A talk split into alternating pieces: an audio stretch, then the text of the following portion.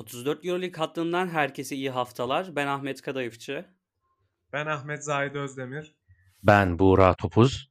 Turkish Airlines Euroleague'de 31. maç haftasını geride bıraktık. İki temsilcimiz de Yunan rakiplerini geçerken Anadolu Efes İstanbul'a Panathinaikos'u farklı mağlup etti. Fenerbahçe ise Pire'de Olympiakos karşısında sonları her ne kadar sancılı olsa da kazanmayı bildi.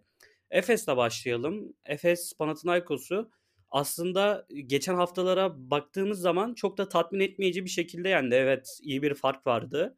Ama genel görüş herhalde Efes'in o kadar da kendini zorlamayarak kazandığı yönünde. Bu maçta bildiğimiz üzere Ergin Ataman cezasından dolayı tribünden takip etmek mecburiyetinde kaldı maçı. Yakup Sekizkök Anadolu Efes'in başındaydı. Zahit senle başlayalım. Ne oldu Panathinaikos maçında? Abi Anadolu Efes yetecek kadar oynadı. Ki ona rağmen çok dominant bir oyundu. Şimdi bu noktada ben öncelikle senin de değindiğin o Ergin Ataman Yakup Sekizkök olayına gelmek istiyorum. Yani Ergin Ataman'ın itirazları yaptığı maçta salon Audi'dondu yani maç Münih'teydi. Trinkier'in hem o salonda hem başka salonlarda buna benzer itirazları sıklıkla izledik. Abi yani bir maç ceza olayı hani Euroleague penceresine baktığımızda ağır bir ceza. Yani normalde para cezası alırken koçlar Ergin Ataman takımdan ayrı kaldı. Ya yani bu açıdan bir kere standardı en azından hani şeffaflık olsa hani atıyorum Ergin Ataman uygunsuz bir kelime mi kullandı? Bizim bunu bilmemiz lazım. En azından Trinkieri neden para cezası aldı? Ergin Ataman neden bu cezayı aldı? Bu konuda daha şeffaf, daha açıklayıcı olmak gerekirdi. Ya bundan bunun e, bundan değinmeden geçemedim. Ama Yakup Sekizkök yani Ergin Ataman'la yıllardan beri çalışan ve sistemini çok iyi bilen bir antrenör. Ki maçta da Ergin Ataman olsa çok da farklı bir Anadolu Efes izleyeceğimizi ben düşünmüyorum. Bence gayet yerinde ve çizgisini koruyan bir Anadolu Efes vardı. Sadece o hani neden yetecek kadar oynadı diyoruz. Bence o biraz rakibin durumundan kaynaklanıyor. Yani Anadolu Efes zaten kazanacağını bilerek çıktı bir yerde. Ama o ne bileyim şey değil böyle laubali tavırlar yoktu sahada. Özellikle rakip takımın uzunları çok ağır kaldığı için Keza savunmada çok hafif e, nasıl söyleyeyim ne bileyim hani kuş kuş gibi böyle hafif kaldıkları için Mitz için çok kolay bir başlangıçla birlikte zaten pota altına hakim olan bir Anadolu Efes vardı. Nitekim üçlükleriyle çok ön plana çıkmayan bir Anadolu Efes maçı kazanıyorsa ilk yarı büyük oranda böyleydi. Zaten hani Efes çok rahat kazanmıştır demek gerekiyor. İlk yarıda da hani yanılmıyorsam 4-3'lük attı Efes. Çok da denemedi. Ve 10 sayılık farkı yakaladı. Yani böyle bir senaryoda zaten Anadolu Efes'in kendi seviyesinin altında oynadığını, yetecek kadar oynadığını söylemek çok doğru olmaz. Eğer rakip bu seviyedeyse Efes de böyle bir oyun sergiler. Yani geçip de hani işte şaşalı hareketlere falan gerek yok yani. Hani maçı 20 sayıyla kazanan bir Efes vardı. Hani maç yorumunu biraz daha Buğra'ya bırakmak istiyorum. O maçta Sinan Erdem'deydi. Onunla ilgili de Panathinaikos tarafından bir soru sormak istiyorum. Şimdi Buğra'dan bir maç yorumunu alalım. E, ben öncelikle bu ceza verme kısmına değinmek istiyorum senin gibi. E, Euroleague tarihinin herhalde ilk olduğu bir antrenöre e, ceza verme konusunda bir maç ben. Yani buradan ben Euroleague yönetimine sesleniyorum. Türkiye Basketbol Federasyonu'na özenmemeleri lazım bu ceza konusunda. E, geçen hafta Beşiktaş-Tofaş maçında kararın e, değişmeyeceğine dair gerekçeli bir karar vermedi e, Türkiye Basketbol Federasyonu. Bu konuda da yani Euro, Euroleague yönetimi sınıfta kaldı. Çünkü bundan 2-3 hafta önce yanlış hatırlamıyorsam Andrea Trinchieri maç sonunda hakemlerin üstüne yürümüştü. E, hemen hemen aynı e, cezadan muzdarip olması gerekiyordu Andrea Trinchieri'nin ama ihale Ergin Ataman'a patladı. E, maçta olduğum için de ister istemez gözüm bazen Ergin Ataman'ın olduğu locaya kayıyordu. Ama orada bile hani heyecanını kesinlikle içinde tutmayan, maçı e, zihninde yaşayan, boş atışlar kaçtığı zaman e, bench'teki gibi reaksiyon veren bir Ergin Ataman vardı. Yani sahada da olsa, tribünde de olsa Ergin Ataman farkını hissettiriyor. Bunu da söylemeden geçemeyeceğim. E, maça gelecek olursak aslında sen çok güzel bir şey söyledin e, kendi demecinde. Anadolu Efes yetecek kadar oynadı. Şimdi Anadolu Efes özellikle Barcelona deplasmanından beri çok önemli bir sekans yaşadı. Gerçi bunu Olympiakos maçına dahil edebiliriz. Her ne kadar kötü başlayan bir maç olsa da devamında çok güzel bir basketbol oynayan Anadolu Efes vardı. Şimdi Fenerbahçe deplasmanı hakeza öyle. CSK maçı hakeza öyle. Maccabi deplasmanı var. Valencia var. Jalgiris maçı var. Ama bu takımlara baktığımız zaman Panathinaikos'a kıyasla gerçekten çok daha kaliteli, rotasyonu çok daha geniş ve bir amacı olan takımlar var. Şimdi Jalgiris ufak da olsa playoff'u kovalıyordu. Ee, CSK, Fenerbahçe, Valencia, Barcelona gibi takımların zaten içinde bulunduğu durumu söylememe gerek yok. Şimdi bu takımlara karşı konsantrasyonunuzu diri tutmak, e, mental olarak hazırlanabilmek çok daha farklı bir şey. Sezonu zaten kafasında bitirmiş bir takımla oynamak çok daha farklı bir şey. Aslında bu sahaya yansıdı. Normalde Larkin e, son periyotta iki tane üç, e, üçlük atmasa üst üste 7 sayıda kalacaktı. Ki çok alışa geldiğimiz bir durum değil. Tamam e, Rodrik Boboa'dan özellikle de özellikle haftanın MVP'si olan e, Vasilya Mitsic'den çok önemli katkı aldı Anadolu Efes bu maçta. Yine 4 numaralardan bariz bir sıkıntı vardı. Hani ne Moerman ne de Singleton maçın içerisine girebildi. Hani savunma tarafında yine bir gayretleri var. Onları kesinlikle takdir ediyorum. Singleton'da Moerman'da savunma reboundları açısından kısaların pick and roll oynaması esnasında yaptıkları show up'tan e, onları takdir ediyorum. Ama işin hücum kısmında isabet bulması gereken üçlükleri isabete çeviremiyorlar. Şimdi Panathinaikos maçında bu sıkıntı teşkil etmez. Çünkü daha farklı opsiyonları var Anadolu Efes'in. İşte Misic var, Larkin var, Simon var, Boboa var. Belki pick and pop oynarsanız Tibor Plyce var. Ama şimdi önümüzdeki 3 maç gerçekten çok kritik ve her opsiyonun kendi içinde ayrı bir değeri var. Şimdi Baskonya maçı var, Real Madrid var. Pardon önce Madrid, sonra Baskonya, devamında Milano deplasmanı. Her oyuncunun apayrı kıymeti var. Yani bugün Misic oynasın, diğer maçta Larkin oynasın, sonra da Dunstan devreye girsin. Hiç böyle bir e, fikstüre girmiyor Anadolu Efes. Öncelikle Panathinaikos maçında ve bugünkü Petkim Spor maçından e, etkisinden biraz çıkması lazım Anadolu Efes'in. Ama inanıyorum ki yani 3'te 3 olmasa bile en azından 3'te 2 yapabilecek potansiyeli var Anadolu Efes'in ki bugün Ergin Hoca da söyledi. Çok zorlu bir fikstüre giriyoruz dedi ve iki galibiyet olmasa bile en azından bir galibiyet almamız bu hafta bizim için çok iyi olacak dedi. Yani umuyorum, inanıyorum ve güveniyorum Halil Ergin Ataman'a. Evet yani rakipler de çok zor. Onu da programın ilerleyen bölümlerinde konuşacağız. Ben de biraz Panathinaikos açısından değerlendirmek istiyorum. Bu maçla beraber playoff iddialarını matematiksel olarak kaybetti Panathinaikos. Ee, o bilinçle çıktıkları bir maç değildi bence. Papayendis'in pota altında çok etkisiz olması, Hezonya'nın çok fazla inisiyatif alma mecburiyeti, Howard Sandros'un özellikle 3 sayı çizgisinin gerisinden ki etkisizliği ki takım genelinde 24'te 6 gibi bir yüzdeyle atmaları bu farkı ortaya çıkardı. Tabii Efes de iyi savunma yaptı. Hakkını vermek lazım. Bir konuda Zayda çok katılıyorum. Yani Panathinaikos gibi bir takıma karşı öyle e, Valencia veya Ceska gibi bir agresiflikle çıkmaya bence de gerek yoktu. E, galibiyet galibiyettir. O konuda ben de hani çok kamuoyuyla aynı fikirde değilim. Evet buradan da Fenerbahçe'ye geçelim isterseniz. Tabi Uğra. Ben aslında Panathinaikos'la ilgili çok ufak bir ekleme yapmak istiyorum. Ee, Yugoslav oyunculara karşı bir e, pozitif ayrımcılığımı daha önce belirtmiştim. Abi Ee, Hezonya mı? evet, Hezonya. Abi tam e, başta söylemiştim. Hezonya'yı soracaktım. Şimdi ben televizyondan izlerken bu kadar cringe olacağımı tahmin etmiyordum. Yani zaten Hezonya bir, bir sükseli geldi. Bir gereksiz Panathinaikos taraftar tarafından yükseltildi ama biraz da böyle özel detaylar paylaş abi. Nasıl görünüyordu bu adam? Ya bence ya kimisi beğenmiyor Hezonya'yı.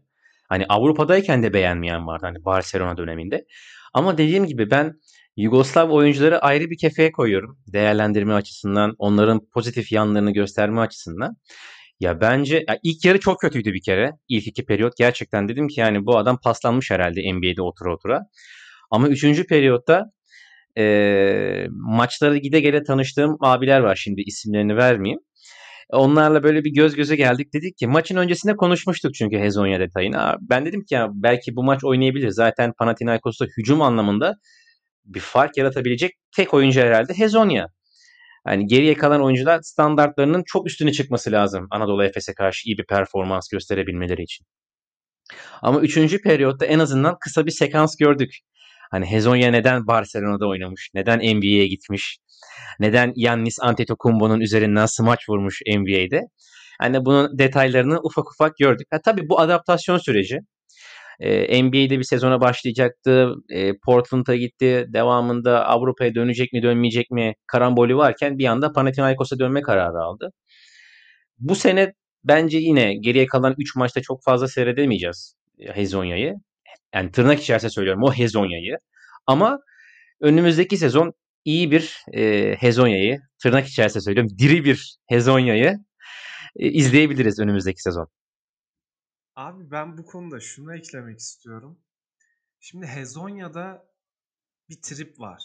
Yani etrafındaki oyuncuların ya en basitinden mesela bir ters eşleşme varsa o alanı açmak için e, farkında olmayan oyuncuların bulunduğu bir kadroda oynadığı için ve bir hedef olmadığı için şu anda bence çok tepkili. Yani çok böyle bir şımarık çocuk görüntüsünde gibi geldi bana. Özellikle bu maçta. Hani Nedo Nedovic varken yine bu kadar keskin hissetmiyordum bunu da.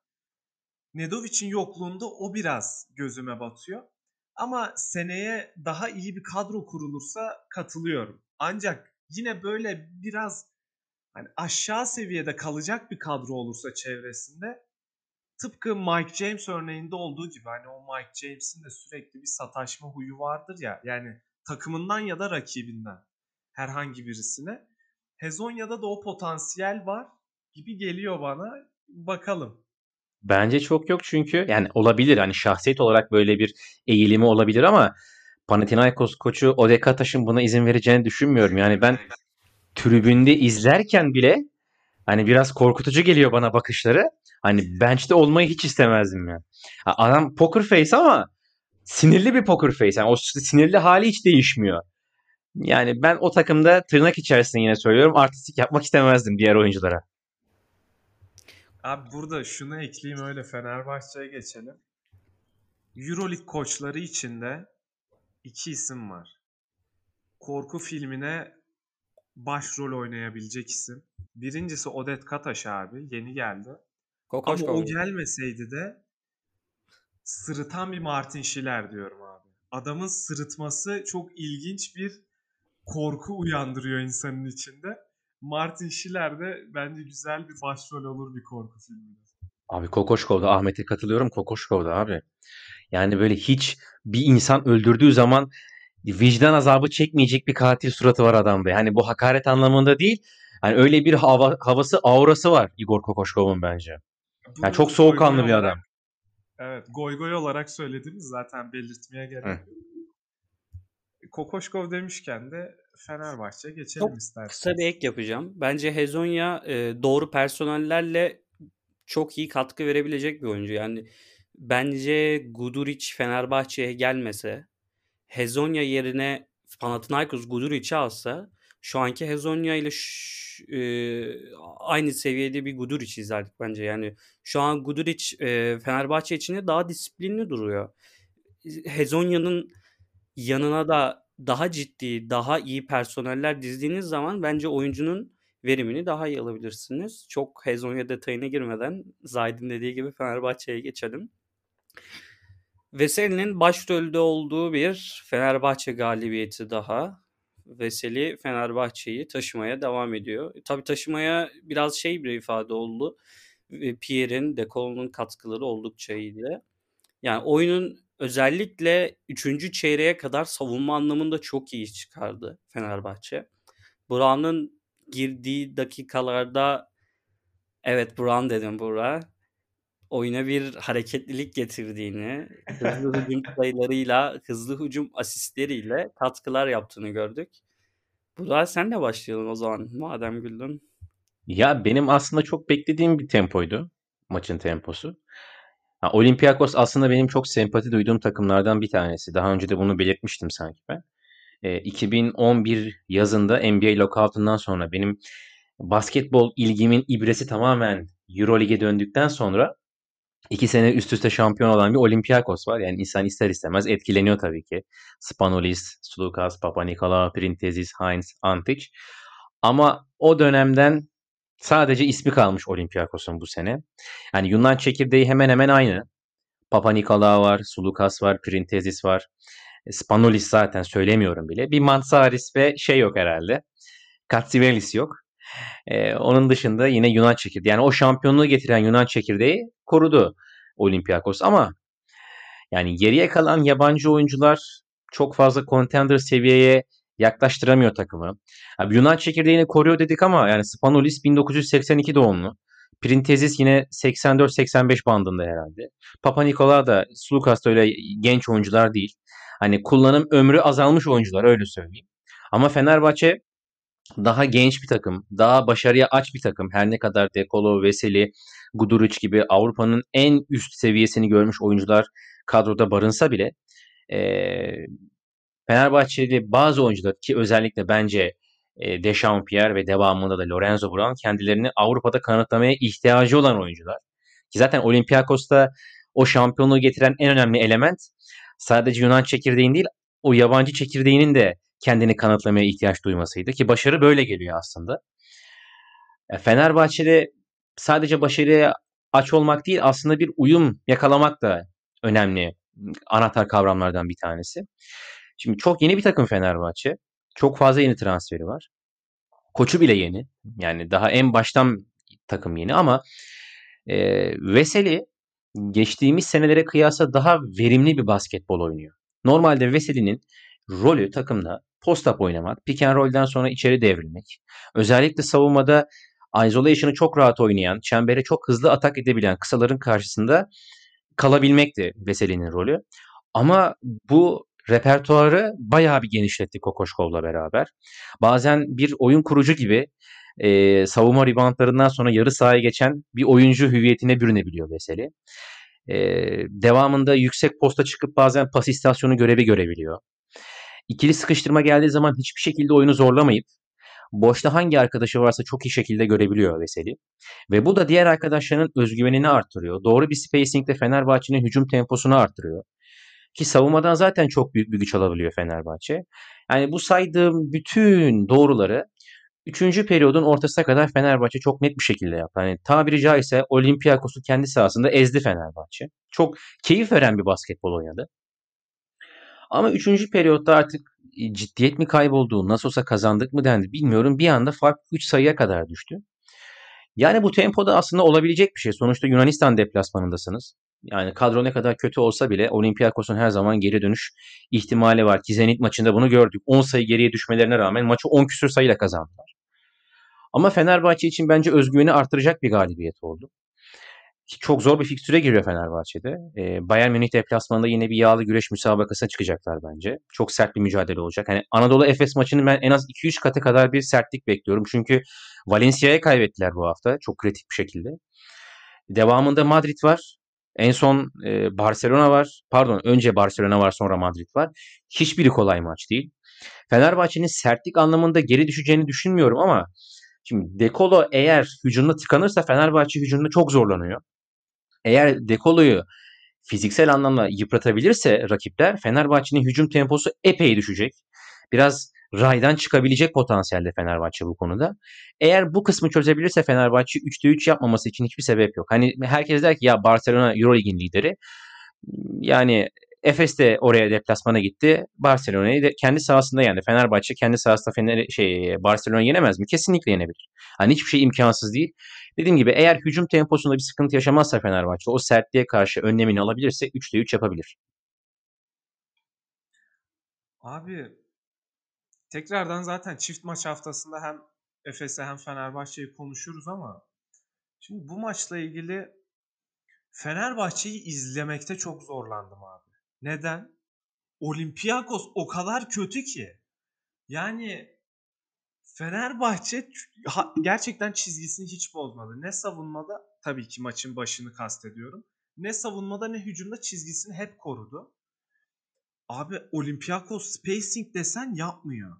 Savunmada ya el göster ya close at ya hani yaklaş adama. Yaklaşmıyor falan hani korkunçtu zaten. Hasan Martin sakatlığından dolayı yok. Şimdi uzun Abi, rotasyonunda Heh. Çok özür diliyorum. Araya gireceğim hemen e, lafını bölmek istemiyorum çok fazla ama ben ilk periyotta zannettim ki Sasha Vezenkov'un üçlük antrenmanı var. Yani habire alıyor atıyor, habire alıyor atıyor. Yani önümde adam var mı? Doğru bir spacing var mı? Başka opsiyon var mı? 3 saniye bölgesinde veya diğer yerlerde boşta arkadaşın var mı? Yok. Aldığı gibi atıyor. Ha, bu da aslında Fenerbahçe'nin tabii ki çok işine geldi. E, hücum reboundunu, şey savunma reboundunu alırsan geriye koşamayan bir takım da varsa Olympiakos gibi her türlü fast break şansı bulursun. Aynen öyle abi.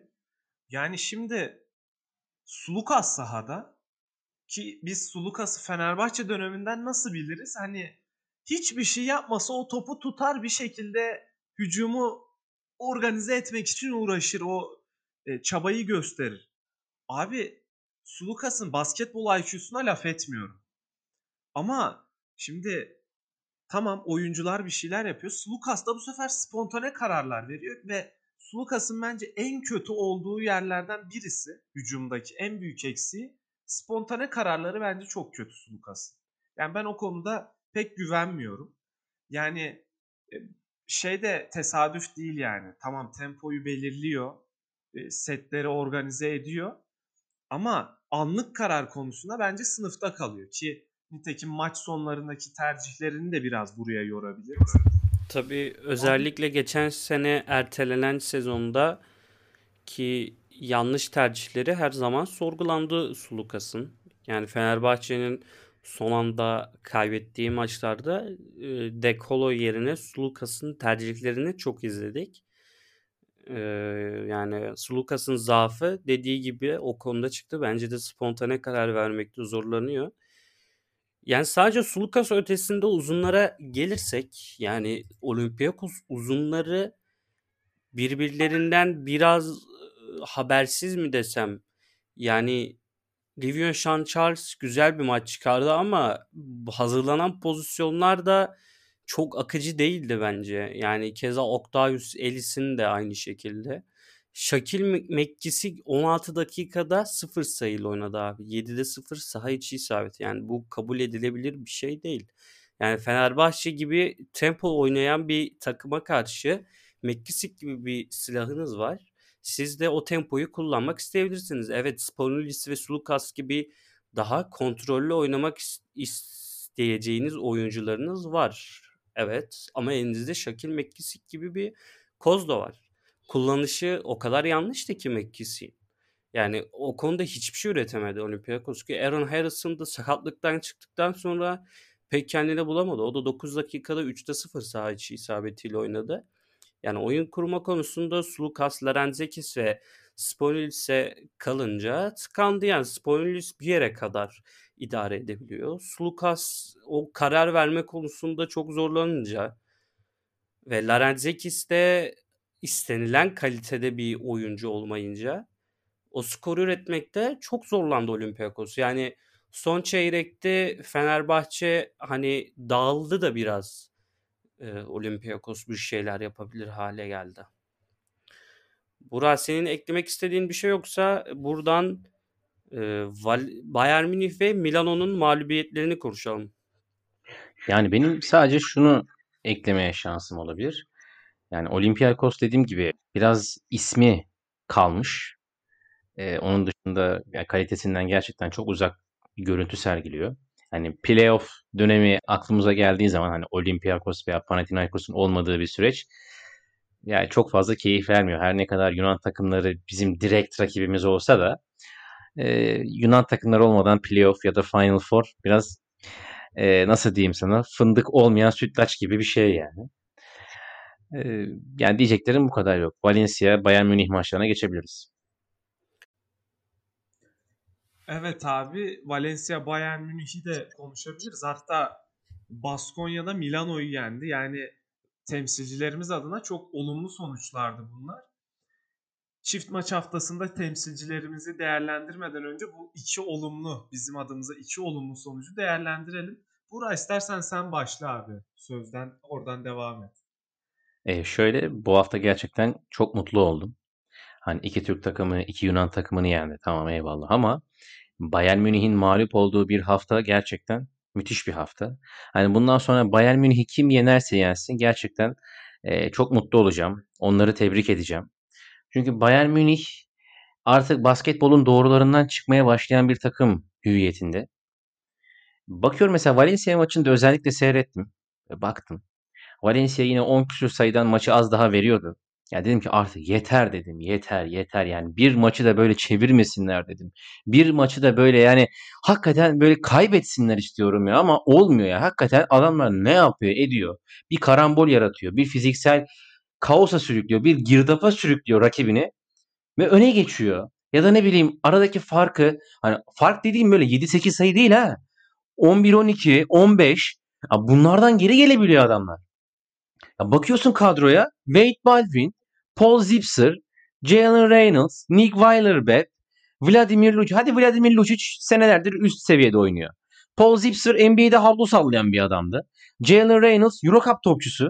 Nick Weiler-Beck'in adını ben bu sene ilk defa duydum ya. İlk defa duydum. Hani kimdir, necidir, nerede oynar, hani hangi ülke vatandaşıdır, hani ne işle uğraşır hiçbirini bilmiyorum yani.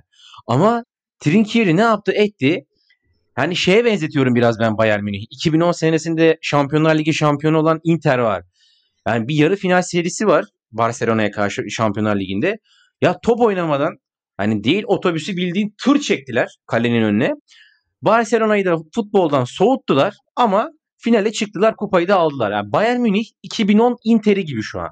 Hani rakibine keyif vermiyor. İzleyenlere de aslında çok fazla bir keyif vermiyor. Ama bir şekilde maçı çeviriyorlar. Bu hafta yenilmeleri çok güzel oldu. Milano'nun da yenilmesi iyi oldu. Buyur abi. Bayern Münih bana Burak. keyif veriyor bu arada. Ya Zahit sen bilerek mi yapıyorsun ya? Pascual böyle, Münih böyle ne oluyor kardeşim ya? Bak bir saniye. Şimdi bak Pascual'in hep adı geçiyor. Ben Pascual'i sevmiyorum. Kusura bakma ya. Orada tahtitli bölgede övdün, ya. övdün, övdün. Yok dedin balon değil dedin. Yok Hayır, e, dünyanın en iyi antrenörü dedin. En büyük Pascual Zahid. Özdemir'dir. Buradan söylüyorum. Ne söylüyorsun Abi- abi? En büyük Pascualci Ahmet Zahid Özdemir'dir. İmzamı atıyorum. Kayıtlar kanalımızda beyler. Yani e, o açıdan benim içim rahat. Yani dinleyicilerimiz de gayet net bir şekilde orada dediklerimi duyabilirler. Şimdi abi Bayern Münih'i niye seviyorum ama? Tabii ki Türk takımlarına karşı çok sinir bozucu. Fenerbahçe'yi de öyle yenmişlerdi. Şimdi Efes maçında zaten hani oynadıkları oyun çok saçma sapandı şey fiziksel anlamda. Ama abi adamların bir hikayesi var ve gerçekten çok büyük renk katıyorlar. Ve bu oyuncuların en azından bir kısmı kariyerleri için çok güzel bir basamak atlama eşiğinde. Ya o açıdan çok değerli bir takım izlediğimizi düşünüyorum ve her maçta da o tahmin edilemez oyunları benim çok hoşuma gidiyor. Umarım Fenerbahçe onları yener Münih'te. Yani biraz içimiz soğur en azından. Yani bu sene Türk takımlarına karşı 3'te 3 yaptılar. Umarım biraz içimiz soğur. Fenerbahçe bu kez kazanır. Hatta ikili averajı da alır. Ama yani genel anlamda ben Bayern Münih'in karakterlerinin renkli olduğunu düşünüyorum. Ve maçlarını izlemeyi seviyorum abi. İyi hadi öyle Şimdi- olsun bakalım.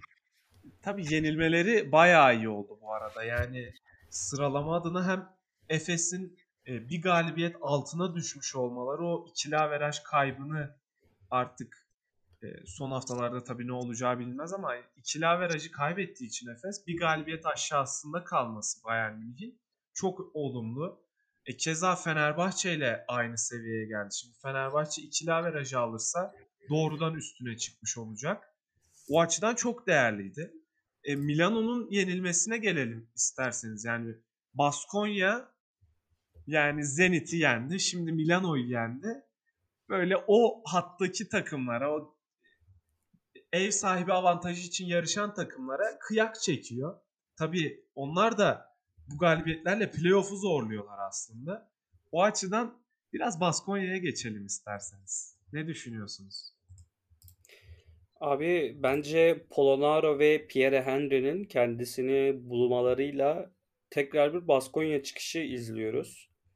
Bir düşüş yaşamışlardı ama bunu toparladılar. Ben İspanyol takımlarına karşı sempati besleyen bir insan olarak Baskonya'yı orada Zenit yerine görmek istiyorum.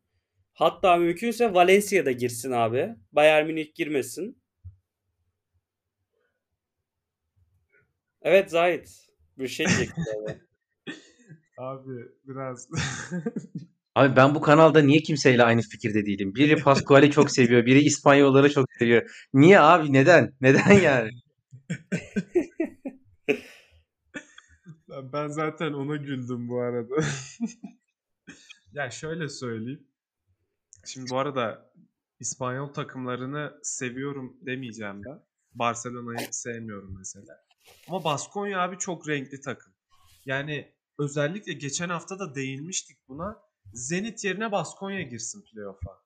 Yani en azından daha farklı bir oyun yapısına sahipler ve gerçekten Ahmet de söyledi hani Pierre Henry Polonara bu isimler Euroleague'de daha önce de oynamışlardı ama şu anda kariyerleri adına çok önemli bir sezon geçiriyorlar. O açıdan bunun playoff'la taçlandırılması Zenit'in çirkin basketbolunun playoff'la taçlandırılmasından daha iyidir. Artık Zenit'i gömdüğüm için günah çıkartma gibi algılanmasın bu. Yani yüzünüzdeki ifadeyi görebiliyorum. Bu günah çıkartma değil arkadaşlar. Sadece oynanılan basketbolun doğruluğuyla güzelliği arasında her zaman doğru orantı yoktur. Bu konuda da dürüstlüğümü hiç kaybetmeyeceğim. Lütfen playoff hattıyla ilgili ekleyeceğiniz bir şey varsa ekleyin sonrasında çift maç haftasına geçelim. Aslında Bayern Münih Fenerbahçe maçı özelinde çoğu şeyi söylediniz. Yani Fenerbahçe Barcelona maçını konuşalım bence. Oradan da Efes'in çift maç haftasındaki rakiplerini konuşunuz.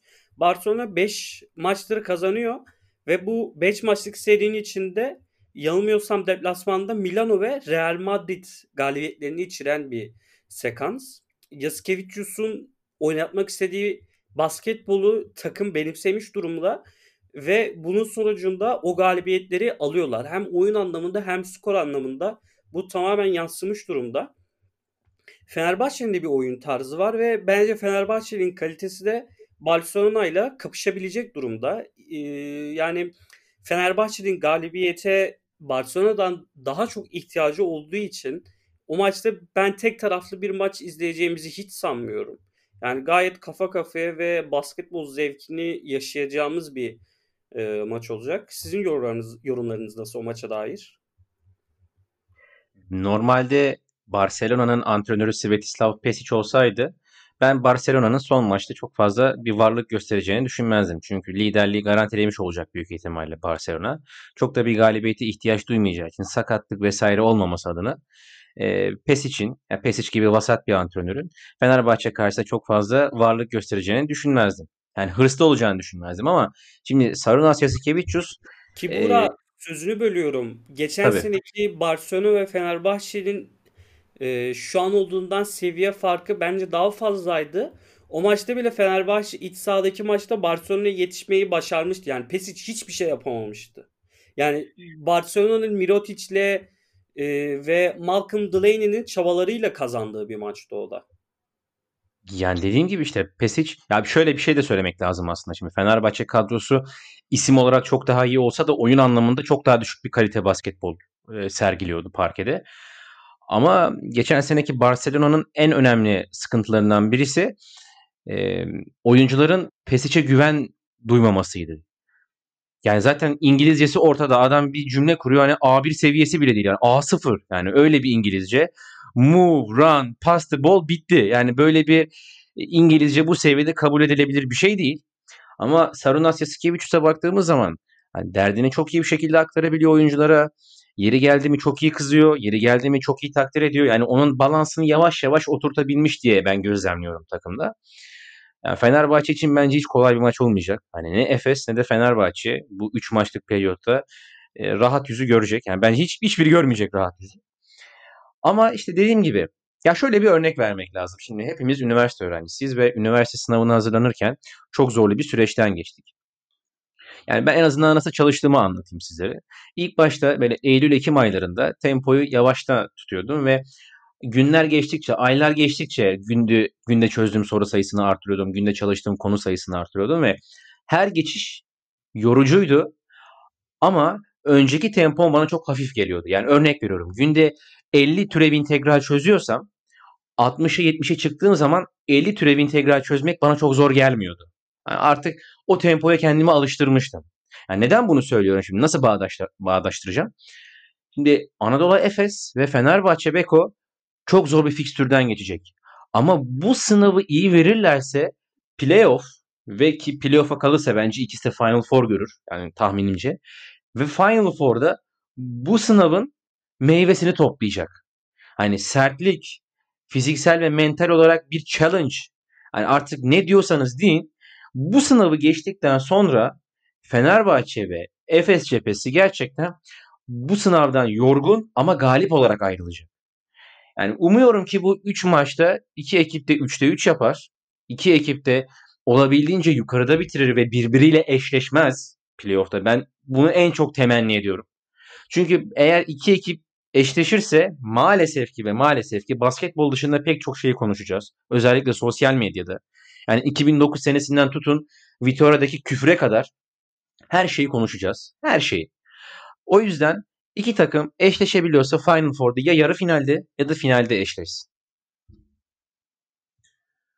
Evet abi katılıyorum. Yani umarım bu 3 maçlık periyot iki takım adına da hem kazançlı hem de olumlu bir şekilde sonuçlanır. Şimdi Fenerbahçe ile ilgili aslında ben çok iki maçı birbirinden ayırmak istemiyorum. Zaten hani aynı hafta içinde oynadığınız için iki maçı. Şimdi Bayern Münih ile oynayacaksınız deplasmanda. Ki Fenerbahçe'nin sıralaması adına hedef maçı, birincil hedef maçı bu. Şimdi bu kazanılırsa Barcelona maçına bence çok daha konsantre bir Fenerbahçe görebiliriz. Konsantre demeyeyim yani öbür türlü de konsantre olabilir ama Fenerbahçe'nin şansının daha çok olabileceğini düşünüyorum. Yani Bayern Münih maçının kazanılması bence olumlu bir etki yapar. Ha kaybedilmesi durumunda umarım kaybedilmez. Ama kaybedilmesi durumunda da Fenerbahçe'nin galibiyete ihtiyaç duyduğu bir senaryo ortaya çıkar. Yoksa son hafta Real Madrid'le bir ölüm kalım maçı oynamak pek ideal bir senaryo olmaz ne olursa olsun. O açıdan yani Bayern Münih maçı kazanılsın. Barcelona maçına bakılır. Ama bir şekilde orada alınan sonucun çok e, etki edeceğine inanıyorum. Ve abi buradan Barcelona'ya küçük bir mesaj. 80-90 gündür falan Pau Gasol gelecek. Yok sağlık kontrolüydü, yok imza töreniydi. Yani o da artık zahmet edip 2-3 dakika sahaya çıksın en azından da bir formayı üstünde görelim yani. Zırt Al- fotoğraf çekimleri falan. Alex Perez sendromu var diyebilir miyiz? Tam oraya girecek. Abi tam olarak o sendrom. Alex Perez sendromu abi. ya nerede bu adam? Hakikaten nerede ya? Ben- Kim abi bu Pau Gasol ya?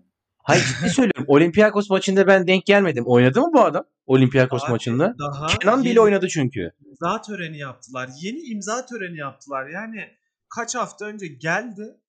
İşte sağlık anlıyorum tamam 40 yaşında ama yani ne bileyim sezon bitiyor en azından bir çıksaydı 2 dakika forma giyseydi be. Ya yok onu demiyorum. Zahit. Alex Perez'i diyorum ben. Olympiakos Aa, maçında var mıydı? Ha. Abi Alex Kenan Sipahi vardı ya. Ya o bile oynadı onu diyorum. Evet. Alex Perez kadroda mıydı? Abi nasıl bir transferdir bu ya? Vallahi yazık. İsraf yani israf direkt yani o paraya. nokta transfer nokta. İyi hadi öyle olsun.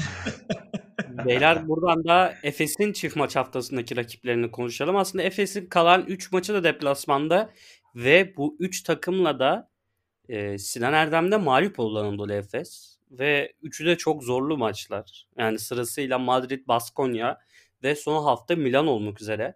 Madrid diken üstünde bir takım eski kalitesinden uzak olsa da playoff dışına bir gal- bir mağlubiyetli playoff dışında kalabiliyorlar. Yani zor maç olacak. Baskonya'da çıkış yakaladı. Onlar da galibiyeti ihtiyacı olan ve çok formda gelen bir ekip. Yani birbirinden zor iki maç. E, Efes bence e, içeride kazandığı Ceska maçını, Valencia maçını, Zalgiris maçını ve Panathinaikos maçını bir kenara bırakıp bu maçlara daha farklı ve daha iyi konsantrasyonla çıkması gerekiyor.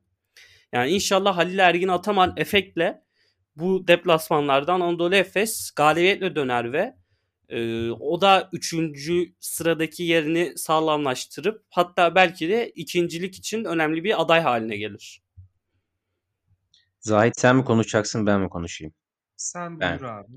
Ben çok uzatmayacağım. Sadece ufak bir eee, Türk da Türk dizi tarihinin en önemli dizilerinden Ezel dizisinden çok ufak bir kesit sunacağım. Eee, Kerpeten Ali karakteri Ramiz Karaeski'nin önemini fark etmeden böyle Ramiz dayıya atar gider yapıyordu dizinin başında. Bir gün bir lokanta sahnesinde eee, hesap muhabbeti var. Ramiz dayı garsondan hesabı istiyor. Hesapta adisyonun arkasında Kerpeten Ali'nin bütün akrabaları, önem verdiği insanların ismi yazıyor. Hesabı ben değil şimdi sen ödeyeceksin diyor. Halil Ergin Ataman da ilk yarıda açılan bu hesabı kapatacaktır diye düşünüyorum. Abi bunun üstüne gülmek biraz kötü hissettirdi. Keşke biraz daha gaza getirici bir başlangıç geçiş yapsaydım da. Neyse. Ya buraya artı bir yazıp o hesap kısmına bir artı bir yazayım bir kere. Ben de katılıyorum bu görüşe.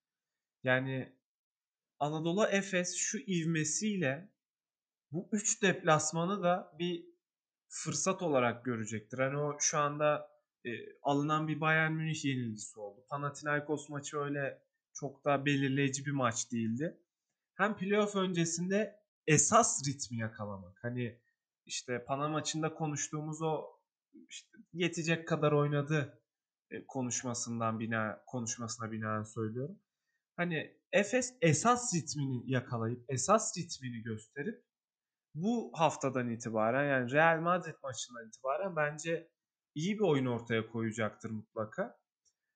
Yani umuyorum beklediğimiz gibi olur. Tabii ki kolay olmayacak ama çok keyifli yani 4 takım 4 maçın da bu konuştuğumuz 4 maçın da çok keyifli olacağına inanıyorum ben. Güzel bir hafta bizi bekliyor EuroLeague açısından. Evet bu bölümümüzde temsilcilerimizin bu hafta oynayacağı maçlardan ziyade playoff hattına dair görüşlerimizi ve çift maç haftasındaki beklentilerimizi konuştuk.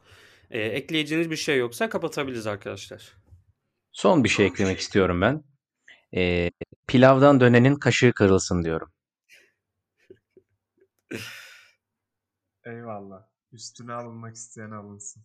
Kesinlikle. Buğra senden bir tane daha yoksa estağfurullah demeyeceksin abi. Eyvallah. Eyvallah diyeceksin. Bu haftalık bu kadar o zaman. Evet tüylerim Görüşmek diken diken oldu ya. Hoşça kalın. Hoşça kalın.